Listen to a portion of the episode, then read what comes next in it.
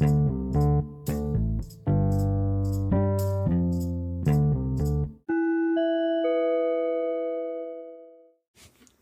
öll og veru velkomin í hlaðvarp mitt.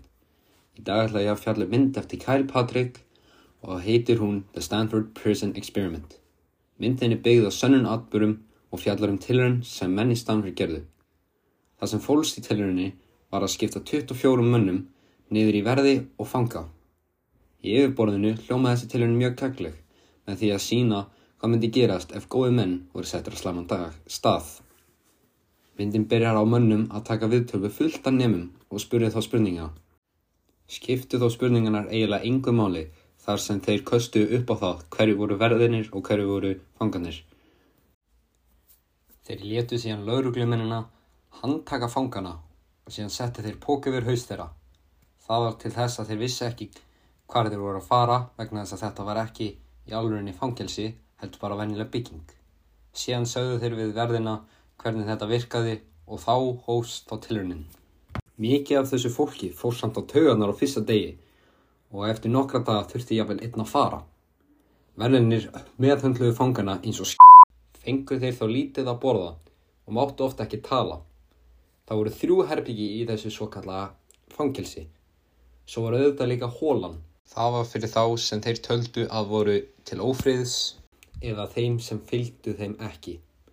Eitt herbyggi ákast að mótmæla þeim og gerði það erfitt fyrir verðinu að komast inn með að setja rúm og allt sem var í herbygginu fyrir. Loksins náðu þeir með að komast inn með því að nota slökkulistæki og var þá allt út um allt. Það var um þetta leiti sem tímaskinn nefnana fór út um allt.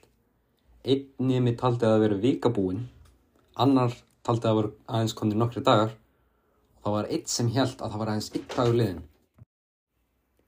Nokkri dagar liðu og fengu fangarnir þá loksins að hitta fjölskyldun sína en því miður máttu þeir ekki segja neitt neikvægt um hvað var í gangi. Nokkru dag eftir það fór síðan allt úr böndanum og þurfti eigandi tilhöruna að hætta við allt.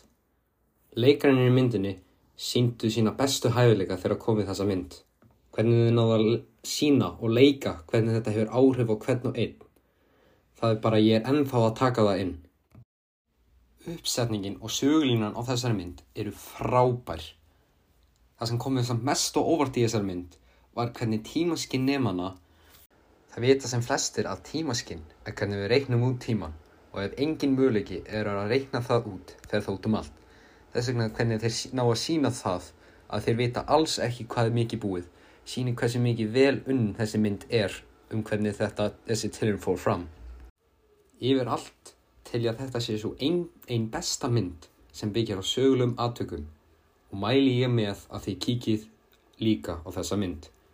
Takk hjá það fyrir að hlusta á mig og eigið góðan dag.